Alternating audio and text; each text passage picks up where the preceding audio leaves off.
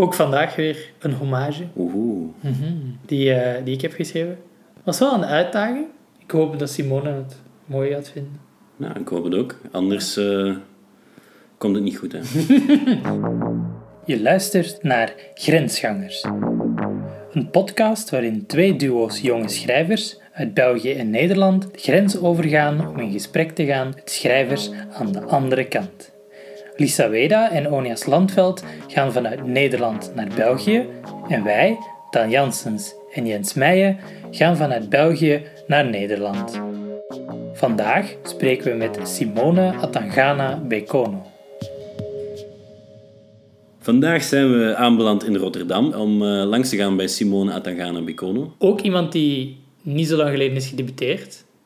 Met een schitterende bundel. De bundel is denk ik tot stand gekomen tijdens haar schrijfopleiding. Dus ik ben heel benieuwd wat, of er invloeden dat daarop hebben gehad of zo. Of, of hoe dat, dat tot stand is gekomen. Want het is toch een beetje een, andere omgeving. En hopelijk opnieuw eh, een gezellig gesprek.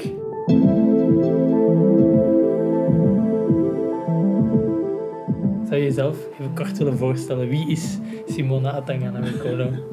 Nou, dat ben ik. Ik eh, ben 27 jaar en ik ben schrijver.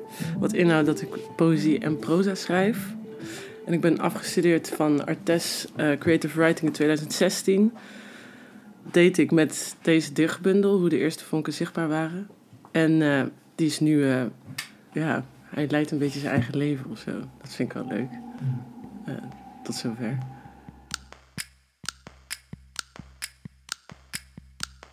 Oké. Ik schreef een gedicht dat over mezelf ging.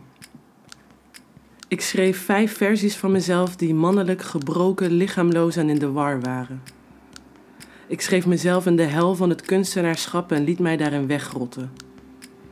Ik schreef mezelf compleet weg en kwam tot een hoop lege woorden. Dat elke herinnering valt of staat bij het moment van ontsteking dat context niet toegevoegd mag worden, maar vanzelf moet ontstaan. Dat ik mijn vaders urn in de stoppenkast heb gezet toen hij mij op de vingers tikte, voor mijn onherleidbare motoriek en twijfelachtige borsten. Dat ik alleen besta in het verlengde van het brein van een blanke westerse man. Ik leen geld van een blanke westerse man. Ik koop toiletpapier voor een blanke westerse man. Ik ben een gedachte-experiment van de blanke westerse man. Want ik lig dronken op een vloer en hij vraagt wie ik ben. En ik ben een in een mal gepropte versie van Kunta Kinte. Ik voel geen verbintenis met mijn gegeven naam. Ik lig dronken op een vloer en zie patronen in het plafond. De jongen naast mij is een kind dat ik kennis wil laten maken met mijn donkerste gedachten. Om hem kapot te maken, om hem op te voeden. Ik ben het poppetje van een aapachtige jazzmuzikant. Ik ben Sylvana, Luigia, een enorme kont waar mensen geld voor betalen om naar te staren. Ik kan mezelf in honderden vormen presenteren. Ik ben een koele toevoeging, een drumstel. Ik ben een godsdienstfanaat met gele oogballen en een kapot geschreeuwde mond. Ik ben een hofnar.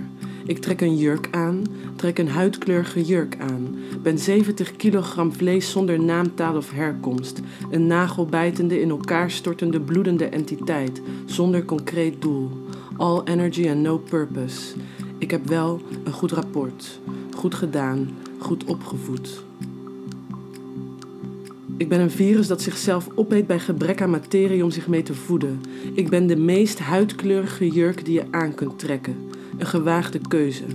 En terwijl ik geolied op een hagelwit strand sta tussen die honderd versies van mijzelf, vraag ik: Zijn we al op vakantie? Ik krijg geen antwoord.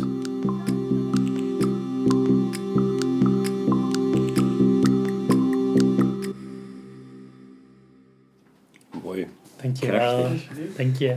Ja, het is één ding om het te lezen en ook iets heel anders om het voorgelezen te horen. Echt, eh, Absoluut. indrukwekkend. Ja, we zullen misschien beginnen bij het begin, want die titel, waar komt die titel precies vandaan van je, van je bundel? Eh, die komt uit eh, ja, gedicht 7 van de bundel. Dat, gaat, dat is een gedicht waarin eh, de ik-persoon uit jagen gaat en ineens in een soort.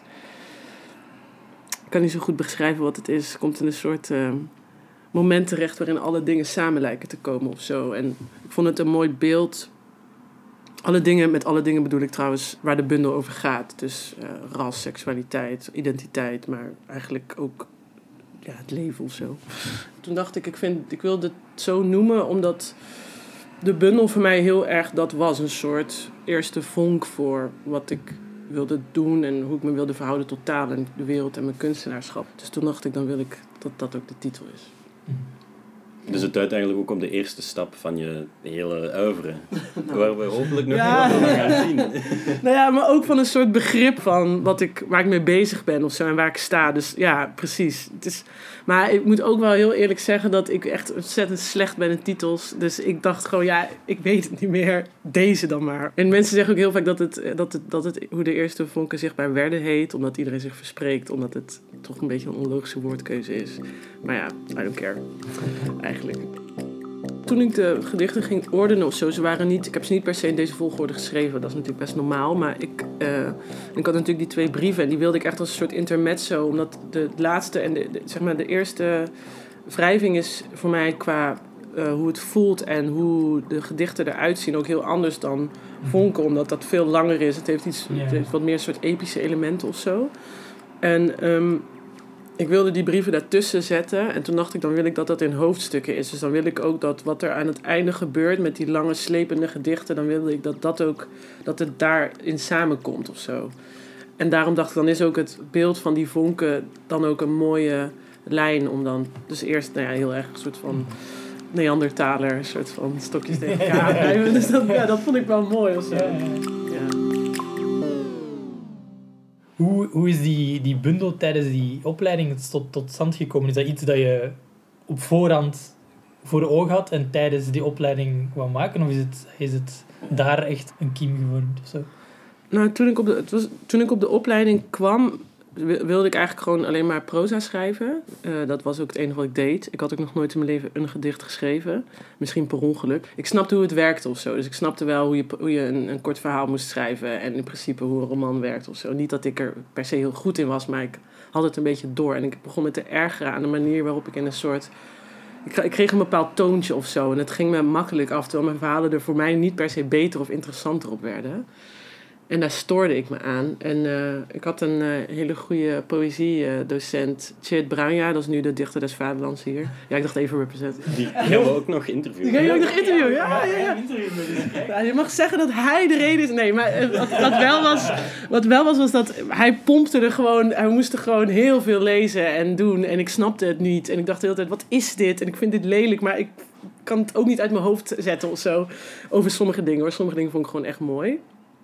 En, uh, en toen op een gegeven moment dacht ik van ja, maar je verhoudt je als dichter gewoon heel anders tot taal dan als process. Of in ieder geval als je gedichten aan het schrijven bent, verhoud je heel anders tot taal. Als dichter heb je de vrijheid om heel associatief te werk te gaan. Uh, als het maar binnen de logica van het gedicht past. En dat vond ik heel interessant, dat gegeven. Maar toen zo in het derde jaar, toen dacht ik, nou, ik wil toch wel proberen om eens een keer een langere reeks gedichten te schrijven. Maar die, die bleken allemaal heel erg te gaan over mijn verhouding tot het schrijverschap. Waarom, wat is nou precies mijn noodzaak of zo? Ik kon die niet helemaal formuleren. Ik had allemaal wel ideeën over de wereld en over literatuur, maar ik wist niet zo goed wat, waar mijn plek dan was. En toen op een gegeven moment, toen dacht ik wel, toen merkte ik dat ik wel iets te pakken had. En toen is, ben ik gekoppeld aan Maarten van de Graaf, de Nederlandse dichter. En die heeft me heel veel dichtbundels aangereikt, waaronder van Claudia Rankine en uh, Dorothea Lasky. I'm Claudia Rankine, a poet, it's finally your turn. And then it's not, as he walks in front of you and puts his things on the counter. The cashier says, Sir, she was next. When he turns to you, he is truly surprised. Oh my God, I didn't see you. You must be in a hurry, you offer. No, no, no. I really didn't see you. I Had a Man, a poem by Dorothea Lasky. Today, when I was walking, I had a man tell me as he passed that I was a white bitch. He was white. And to not look at him, or he was going to fuck me in my little butthole. I wandered away. Who is to say? I think I am a white bitch. My butt is big, but I believe my butthole is little. This violence that we put on women, I don't think it's crazy. Someone I know said, Oh, that man was crazy. I don't think he was crazy. Maybe he could tell I had a look in my eye that wasn't crazy anymore. Maybe he could feel the wild, cool blood in me, and it frightened him. En dat verbreedde heel erg mijn wereld. En dat, maar die, dat waren ook schrijvers die het, prozaïsche en het alledaagse samen konden brengen in dichtvorm. En dat vond ik super interessant. En heel erg de vrije vorm hadden ook. En, uh, maar ook uh, vooral Claudia Rankine, uh, heel politiek. Ze had een soort, ja, ik weet niet of je die bundel kent, Citizen, een hele verzameling van een soort van eigenlijk essays en gedichten en situaties waarin een soort van microagressies, maar ook echt, echt duidelijk racisme naar voren komen, maar dan in Amerika. En toen dacht ik, ja, hier kan ik me wel toe verhouden. Dus, maar ik, was, ik had eigenlijk gewoon teksten. En op een gegeven moment hebben we dan maar besloten om het gedichten te noemen. En toen ben ik ook veel meer het dus als gedichten gaan redigeren. En toen was dit er. Maar het was nooit... Het is eigenlijk allemaal heel erg soort van gebeurd. Mm -hmm. um, maar dat is ook wel leuk, want daardoor... toen ik net was afgestudeerd, dacht ik ook de hele tijd van... Wat, ja, wat, wat moeten jullie van mij? Ik snap niet zo goed. ja, het is best wel arrogant misschien. Maar ik dacht, wat... wat maar er zat dus gewoon een soort noodzaak in die blijkbaar wel overkwam. En dat, nou, dat is heel fijn. Mm. Ja. Ik weet niet of ik nou je vragen beantwoord eigenlijk. maar...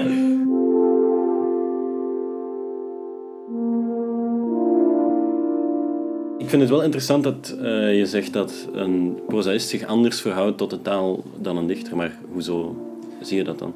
Of nee, ja, ik denk dat hoe je de tekst construeert, moet, dat, moet in proza toch iets functioneler zijn richting het verhaal. En dat hoeft niet per se met een plot te zijn of zo.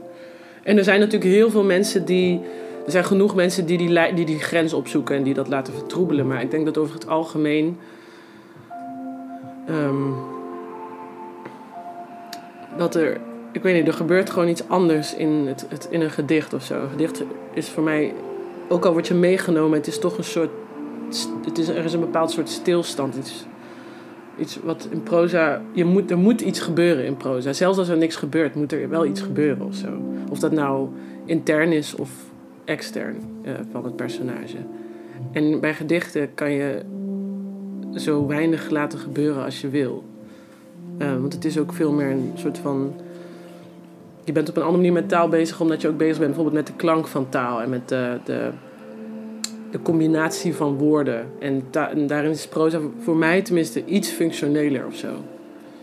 Dat, denk ik. En het is voor mij ook niet super... Hoewel ik vind dat ze allebei een andere, een andere functie hebben... of een andere realiteit hebben of zo. Uh, met betrekking tot taal vind ik wel dat proza en poëzie in principe niet... nooit los van elkaar staan of zo. Er moet een poëtisch element zitten in een prozaïsche tekst voor mij om het interessant te vinden en vice versa. Kan dat ook. Maar alleen bij poëzie kan ik wel zonder het verhalende of zo. Mm. Maar proza kan voor mij niet zonder. Ja.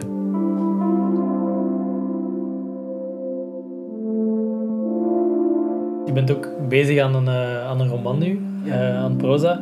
En zijn er bepaalde aspecten waarvan dat je merkt dat dat toch een ander schrijfproces is? Ik, ik vind het gewoon heel kut. ja, ik, ik, vind het gewoon echt niet leuk. Ja, nee, ja.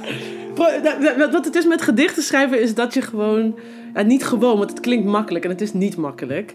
Maar je hebt. Je hebt een soort. Je hebt een veel kleiner frame waarin je alles kan stoppen of zo. Dus je kan heel lang op een gedicht mediteren zonder dat het per se langer hoeft te worden. Of bij proza, vooral als je met een roman bezig bent. Ik bedoel, ik ben nog erachter aan het komen hoe het überhaupt is om een roman te schrijven. En ik zal je vertellen dat ik het dus heel vervelend vind. maar ik merk dus dat wat, waar, ik, ik raak het overzicht zo snel kwijt, omdat ik niet je hebt veel meer, weet je wel, je hebt scènes nodig die je moet labelen. Je hebt, je hebt duidelijk nodig wat er gebeurt, omdat je de weg kwijtraakt. De stem vinden van een personage is, is heel anders dan de juiste vorm vinden van een gedicht. Dus dat, ja.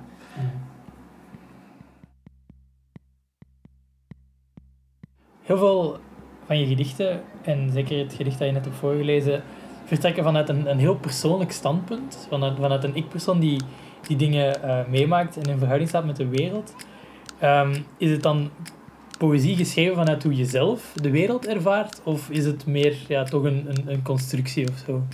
Is het meer een... Uh... Ja, um, Goeie vraag, want die vraag wordt dus nooit gesteld. Eh, want mensen denken altijd gewoon, ja, dit is sowieso autobiografisch.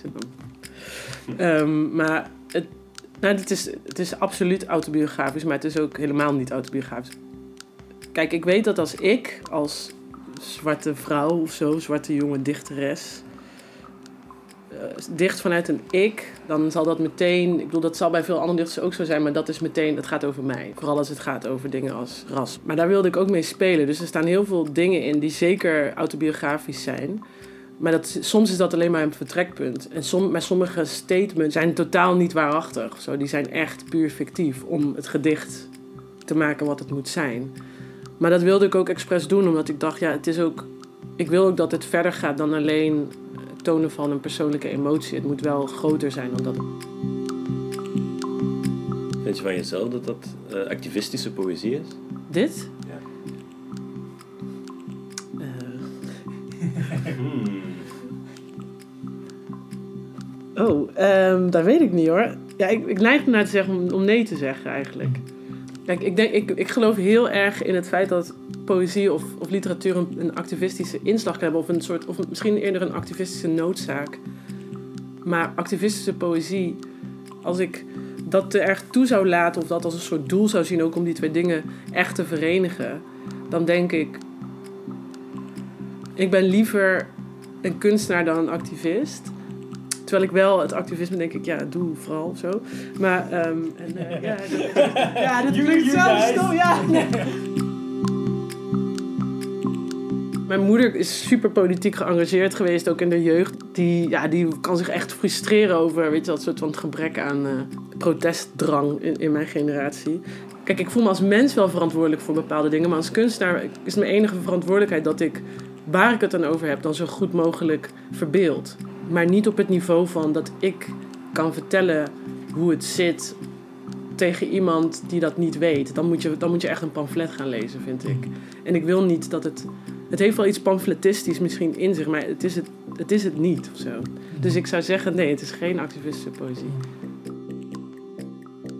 We hebben ook een gesprek gehad met Diem Bowen, een paar weken terug. Ik denk dat het een beetje een, een gelijkaardig standpunt is. Dat hij het hoort van, ja, die dingen moeten echt moeten er zijn. Maar ik wil liever achteraf, als de mensen op de barricade zijn, de persoon zijn die met de verhalen komt en die Ja, een, een, een nieuw verhaal wil maken. Ik denk dat het een beetje... Ja. Eh, Het, het, het, het doet mij daar erg aan denken aan. Een kunstenaar die liever de verhalen brengt die, die, die er rond zijn, dan echt per se op de barricade gaat staan om, eh, eh, om tegen alles in te gaan. Want, Ja, maar het is, het is daarin ook... Dat, daar ben ik het ook heel erg met hem eens. Ook omdat... Ik hoef niet eens achteraf per de verhaal te vertellen. Maar ja, ik ben gewoon die idioot die dan van, van, ver, van in de verte zo staat te kijken en denkt... Dit valt me allemaal op? Andere mensen die zijn allemaal met het echte leven bezig. Maar je moet er een beetje buiten staan om dat ook te kunnen maken. Dus die bundel is eigenlijk tot stand gekomen door observaties ook.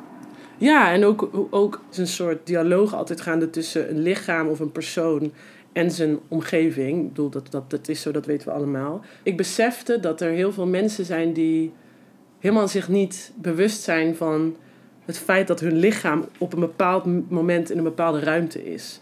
En dat ben ik altijd wel. Dat was voor mij de vonk. Zo rondmaken, dacht ik. Ja.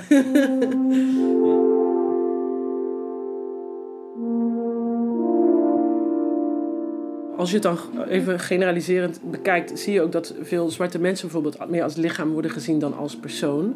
Je lichaam slaat van dat soort dingen op. Dus de manier waarop je lichaam reageert op dingen, dat zegt gewoon iets over wat je weet over bepaalde situaties. Ja, dit is nu misschien heel vaag hoor, maar ehm, ja, ik, kan, ik kan er wel Ja. in, in volgen. Zo, het, het voelt een beetje als zo u, de, de muscle memory die, Ja, die, ja. die ook je, ja, je geheugen of, of dingen die, die je weet en die je wil zeggen beïnvloedt eigenlijk. Precies. Dat kan heel goed werken in poëzie. Dus wat bepaalde reactie, waar verbind je dat aan?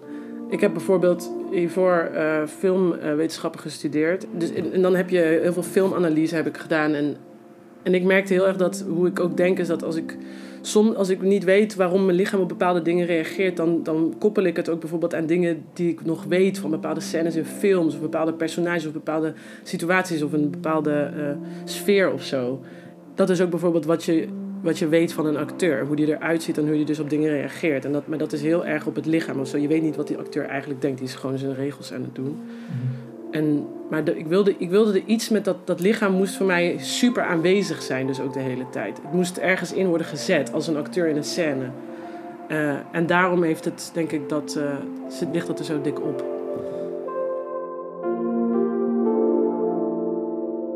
Ja, die, die brieven die heel persoonlijk zijn. eh, Het zijn ook koosnaampjes, Kipje en Siem. is Zo, Ja, ja, ja. zo voelt ze heel schattig. en, dan, en dan kom je zo in het laatste deel en dan zijn het veel, ja, veel bredere gedichten. In, in, in de zin dat je... Je hebt het gevoel dat je veel meer op een, op een conceptueel niveau iets aan het lezen bent. Want bijvoorbeeld, ja, het, gaat niet meer over alleen een ik-persoon. Het gaat over ja, de ruimere, ruimere ideeën die, die, die in metaforen en in, en in tekst worden gestoken. Ik denk, wel, ik vond dat een heel interessante evolutie in, in het lezen van die bundel. Eerst het hele persoonlijke en dan echt het, ja, bijna het hyperpersoonlijke. Dat je, Ja.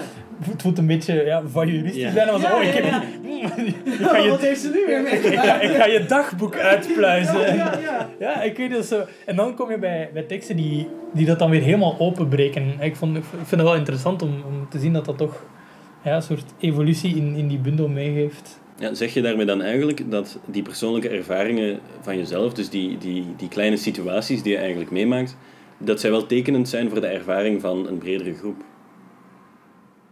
Oeh. Ehm, ik denk dat ze wel specifiek zijn voor mensen uit een breder, een specifieke groep. Zou ik dat zo kunnen zeggen? En, en ik wilde die ook daarom erin houden. En ik, ik zal precies ook wat je zegt van dat het, dat het begin iets voyeuristisch heeft. Dat doe ik ook expres. Ik wil, nooit, ik wil nooit voor een groep spreken, maar ik wil wel vanuit de groep kunnen spreken. Wat dat, wat dat ook heel erg opvalt, is ja, je, ver- je vermengt heel, heel duidelijk verschillende identiteiten. Je hebt dan, ehm, ik denk een, een heel concreet voorbeeld, is het vermengen van westerse mythologie met, met meer Afrikaanse ehm, ja, mythologische figuren. En is dat ook iets dat je, dat je bewust wil doen? Is, is, is het, het, het vermengen van, van die identiteit? Of is dat meer ja, iets dat je, waar je misschien niet bij stilstaat, maar wel, maar wel gebeurt? Nou, ik doe het wel expres hoor. Ehm, ook omdat, omdat het zo is. Letterlijk omdat mijn moeder Nederlands is en mijn vader Cameroens. Maar ook omdat er is dus voor mij niet een focus op alleen een westerse realiteit. Terwijl ik, ik, ik, ik identificeer me zeker als een westers persoon. Want ik ben echt hier opgegroeid. Ik ben daar nog nooit geweest. Maar het is, maar het is niet zo dat die spirituele realiteit of die, die of de, de, de, de, überhaupt de literaire realiteit of, de- of whatever soort realiteit van de plek waar mijn vader vandaan komt en waar hij ook zijn kennis en zijn verhouding tot de wereld uit mee heeft genomen, dat die geen invloed heeft op mij, want dat is dus weer wel zo. Ik ben me heel bewust van het feit dat ik bepaalde dingen niet weet, maar dat ik wel op een vaag niveau ze kan aanvoelen of zo. Omdat ik dat kan koppelen aan bijvoorbeeld mijn familie uit, uit Cameroen. Wat ik heel erg wilde doen, bijvoorbeeld dus in die laatste gedichten, is dat ik denk dat wat je niet weet, kun je bijna mythologiseren of zo. Daar kan je, dat kan je op een metaforische manier voelbaar maken, zonder dat je, je, dat je claimt iets echt te weten of intrinsiek te weten of zo. Ehm, en daar zit voor mij ook echt bijvoorbeeld poëzie. Of, of, het, of het verhaal of zo. Dus van, ik weet iets, maar ik weet ook dat ik, er, dat ik het niet echt weet. Ik weet alleen wel dat het er is. En ik weet dat andere mensen, mensen misschien dat niet weten. Waardoor ik niet per se meer weet dan die andere mensen. Behalve het feit dat het er is. En dat is, maar dat is heel vaag. Dat is ook weer iets waar we het met Dien heel, heel uitvoerig over gehad hebben. Is het, je, jezelf bevinden in een, in een tussenin positie. Ja. Puur omwille van, van af- afkomst, die daar heel direct in die, die tussenin positie worden gezet. Maar dat je eigenlijk op, op heel veel verschillende manieren ehm, daarmee geconfronteerd kan worden. Ik denk dat jouw bundel daar inderdaad ook wel mee, mee speelt. Ik denk dat dat een, een, een belangrijk aspect is van wat, dat je, wat je zelf ook wil zeggen. En ik ben blij dat je, dat je daar zo, Ja, ja, ja. Zo, zo eens mee kan zijn dat het, dat het er ook uitkomt. Ik denk dat dat voor jou misschien ook wel leuk is om te horen. Maar zeker. Ja. ja, weet ik veel. Misschien denken jullie wel, ja, dat wel een leuke poëzie of zo. Ja, kan toch? Ja, ja. bladert vlot. Oh, ja. Nee, precies. Ja, ik vind, het, ik vind het aspect van die fluiditeit vind ik super interessant. Dat is ook gewoon... Maar ook dan dus... En daarom vind ik dat ook dan in de vorm van het prozaïsche ook. En, ook de, de brieven tussen die poëzie zetten. Was dus natuurlijk is ergens ook een rare keuze geweest. Maar ik dacht, ja, ik kan dit toch ook tot poëzie bombarderen. Want dat, is, dat, dat doe je met identiteit ook. Je kan ook mensen, mensen of, of dingen bestempelen als iets. En dan is dat zo omdat jij dat zegt. Ja, zelf denk ik ook ehm, in, in, als, het, als het gaat over hoe dat je jezelf ziet als schrijver, heel vaak aan dat je jezelf vaak baseert op het, het schrijven van een filmscript, bij wijze van spreken. Ja. Om, om, want ik vond het een, een heel interessante ja, metafoor om, om je schrijven te beschrijven, een, een filmscript. Ja, ja, ja, dat snap ik wel, ja. Ja, het is, het is een soort montagevorm. Maar het is ook een filmscript in de zin van dat het beeld waar, waar het uiteindelijk... Dat hoeft niet altijd het beeld te zijn wat het duidelijkst naar voren komt in een gedicht. Maar het beeld waar het bij mij dan om draait of het beeld dat achter de tekst ligt... Dat is voor mij altijd een super helder geanceneerd beeld. Als een set, echt. Ik wil dan weten wie daar binnen gaat lopen. Of wat gaat er daar gebeuren. Ehm, maar, die, maar die scène hoeft niet per se in verband te staan met de scène die daarna komt. Die bijvoorbeeld bij de tweede strofe hoort of bij een andere gedicht of soms alleen al bij een, een woord in de zin. Ik hou heel erg van, die, van dat soort beeldende associaties. Je hebt een beeld en die zet je tegenover een ander beeld en weer een ander beeld en een ander beeld. En die, alsof je ze oppikt en neerlegt. En, maar ze doen wel iets met jou, maar ze, doen, maar ze zijn ook in interactie met elkaar. Maar ze zeggen niet per se het, iets over elkaar. Dat gebeurt hier of zo, dat gebeurt in je hoofd.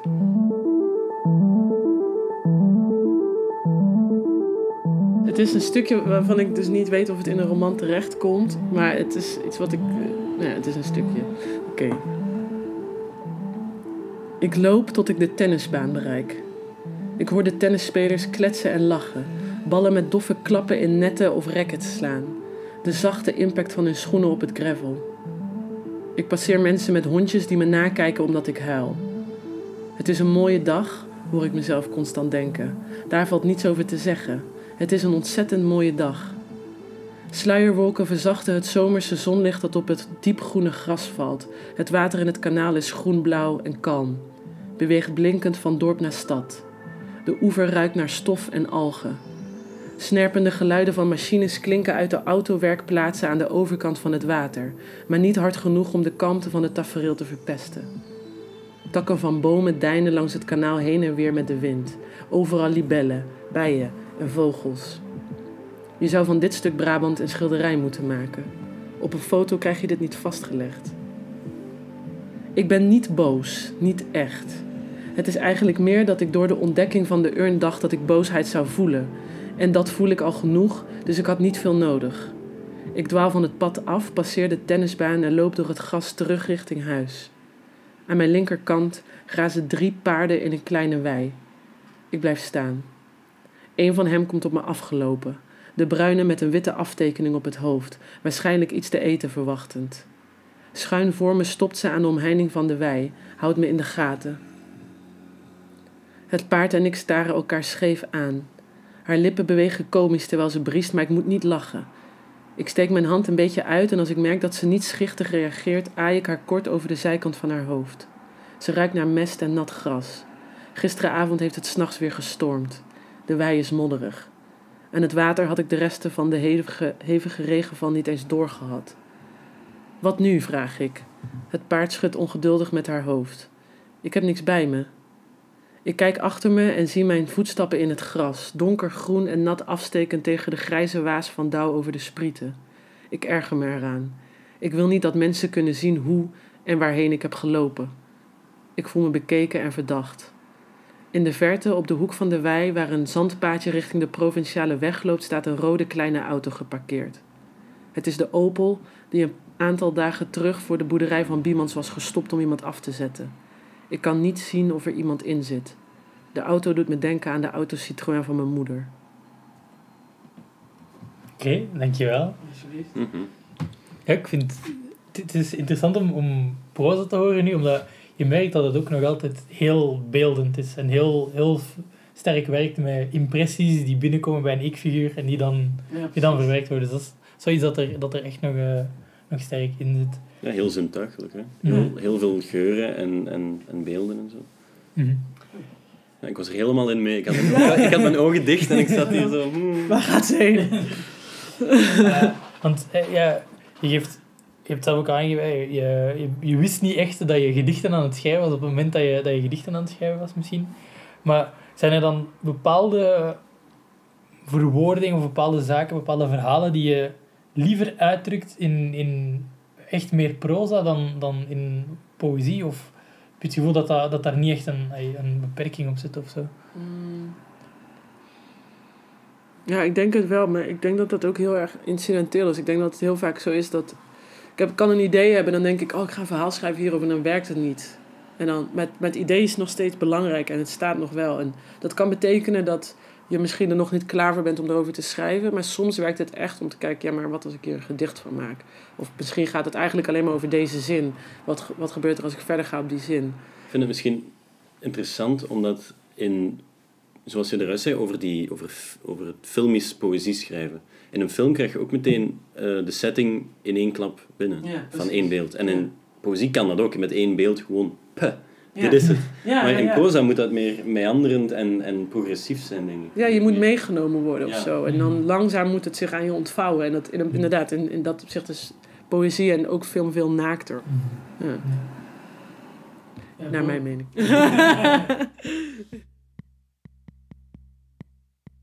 Wat wil je eigenlijk zelf eh, dat je poëzie of je schrijverschap in het algemeen in de toekomst gaat bereiken of, of, of doen met lezers? Of, of, ja, Ja, ja. ja dat, dat is natuurlijk een enorm moeilijke vraag. Dat is logisch, ja, dat is maar, zeker. ook- Nou, ja. maar we zijn hier ook niet voor de gemakkelijke. nee, dat is. Er zijn andere podcasts. Hard-hitting journalism. Ja, vroeger zei ik dan dat ik wil dat ik een nuancering of zo wilde. Van iets wat, wat vast leek te staan. Ik weet niet of dat nog zo is. Ik weet niet of ik echt iets schrijf om iets te bereiken, maar ik wil altijd. Ik wil ook niet per se. Ik, ik, heb helemaal niet de behoefte dat een lezer mij begrijpt. Mij als persoon. Ik denk dat ik wel. Ik denk dat ik het belangrijk vind dat ik altijd iets zal schrijven wat de complexiteit van bijvoorbeeld iets als identiteit of een, of een mensenleven eh, altijd eh, laat zijn en nooit zal pro- proberen het simpeler te maken dan het is. Want ik heel erg denk dat daarin het begrip zit. Een noodzaak en een, en een urgentie. Ja, ja, ja. ja, Dus, eh, dat is altijd zo. Ik vroeg me dan af van, ja, waarin zit voor jou de, de urgentie in, in, in wat dat je schrijft en wat dat je geschreven hebt? Wat, wat is hetgeen dat dat, dat dat voor jou drijft? De noodzaak zit voor mij in het feit dat ik denk, als ik dan kunstenaar ben, dan moet ik het ook helemaal op mijn manier zijn. En dat wil ik, dat is iets wat altijd ter grondslag ligt aan mijn werk en wat ook voor mij heel belangrijk is om op een bepaalde manier, al is het alleen maar via het thema, over te kunnen dragen aan een lezer. Weten dat je onderhevig bent aan bepaalde structuren is al een groter goed dan het helemaal niet weten en gewoon denken: ik doe dit in mijn eentje en ik kan niet wel of niet. En ik denk dat, dat het voor mij wel altijd belangrijk is erop te hameren dat ik, ik ben zeker onderdeel van de wereld. Ook al, en ook op mijn eigen manier. Dat, en dat kan ik ook afdwingen door het schrijven, maar ook door het lezen. Dat is voor mij super belangrijk, ook voor hoe ik wil dat andere mensen mijn verhalen lezen. Ja.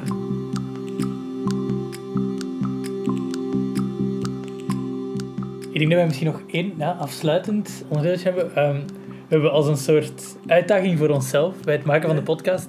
Schrijven we ook telkens een, een gedicht aan de persoon ehm, wie, we, wie we interviewen. Of ja, een gedicht aan, een soort hommage, geïnspireerd door, ehm, noem het wat dat je wil.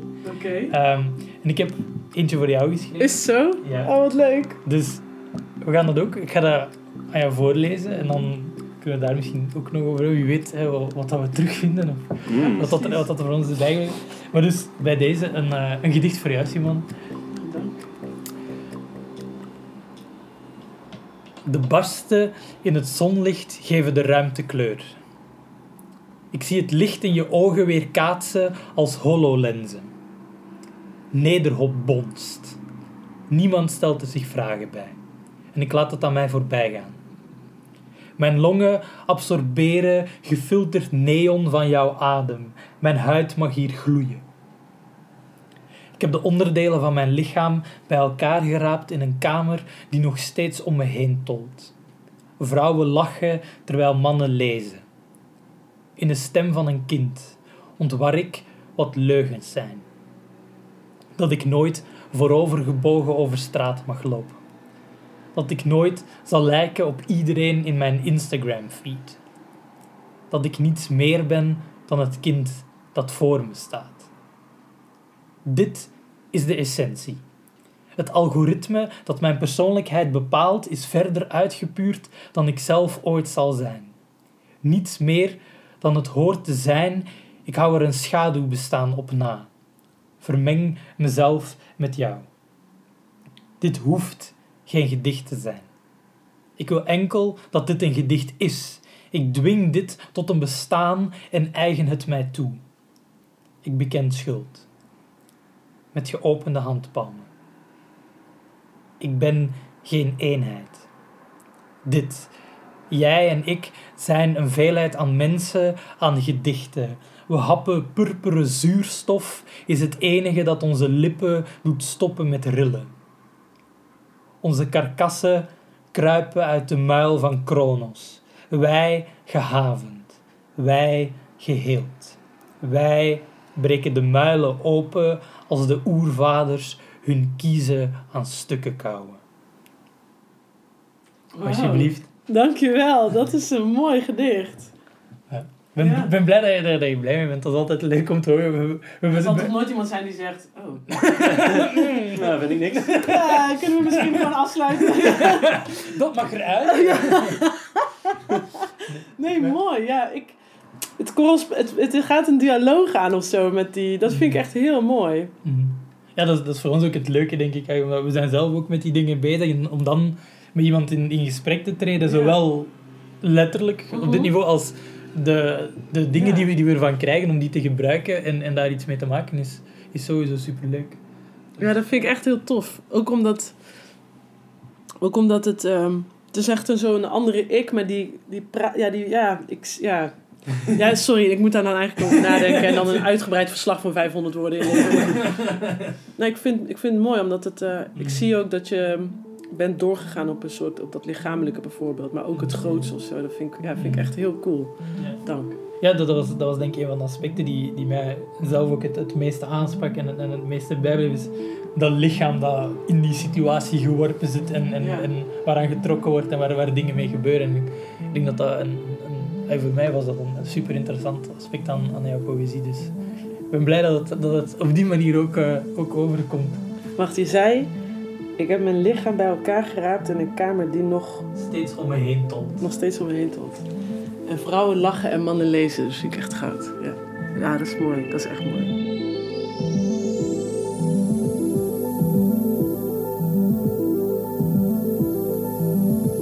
Wat een geweldig interessant persoon. Dat zijn al... Elk gesprek tot dusver is gewoon al super interessant geweest. Ja. Voor ons toch? Ja, hopelijk. Hopelijk ook voor andere mensen. Dat zou leuk zijn.